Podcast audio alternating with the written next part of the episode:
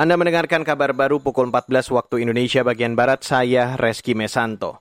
Saudara, pemerintah memastikan segera menindaklanjuti proposal investasi dari produsen mobil listrik asal Amerika Serikat Tesla. Deputi Menteri Koordinator Kemaritiman dan Investasi Septian Haryo Seto mengatakan, pemerintah sudah menerima proposal investasi Tesla pada Kamis kemarin. Mengutip antara, saat ini pemerintah sedang mengkaji proposal itu.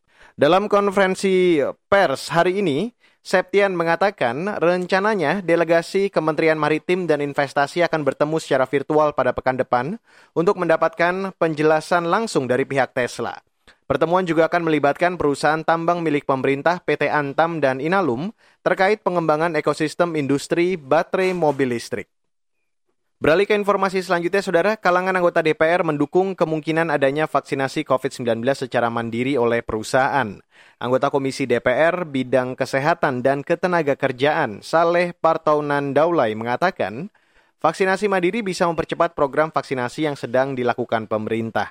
Hanya saja, Saleh berharap perlu ada pengawasan khusus agar vaksinasi mandiri tidak berorientasi bisnis yang memberatkan tenaga kerja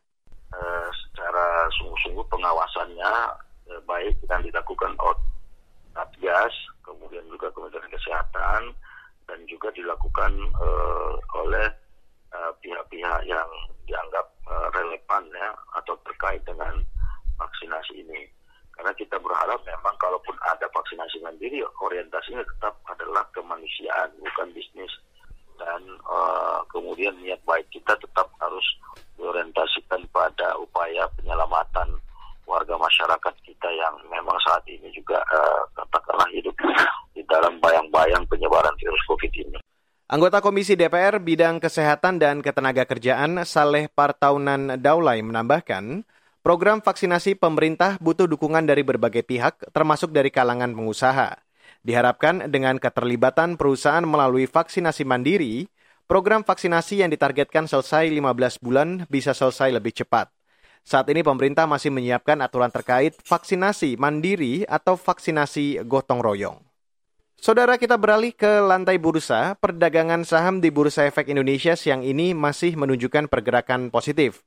Meski sempat volatil atau naik turun dua kali ke zona merah, IHSG berada di level 6.126 pada jeda perdagangan siang. Indeks naik tipis 19 poin atau 0,32 persen dari saat pembukaan. Investor asing melakukan aksi jual bersih sebesar 208 miliar rupiah di semua pasar dan 83 miliar di pasar regional. Saham-saham yang menguat di antaranya di sektor konstruksi, properti, dan sumber daya alam. Pergerakan positif juga terjadi di sejumlah bursa saham utama Asia lainnya. Sementara itu pada siang hari, mata uang rupiah melemah 0,67 persen dan diperdagangkan di posisi 14.028 rupiah per satu dolar Amerika Serikat. Demikian kabar baru KBR, saya Reski Mesanto.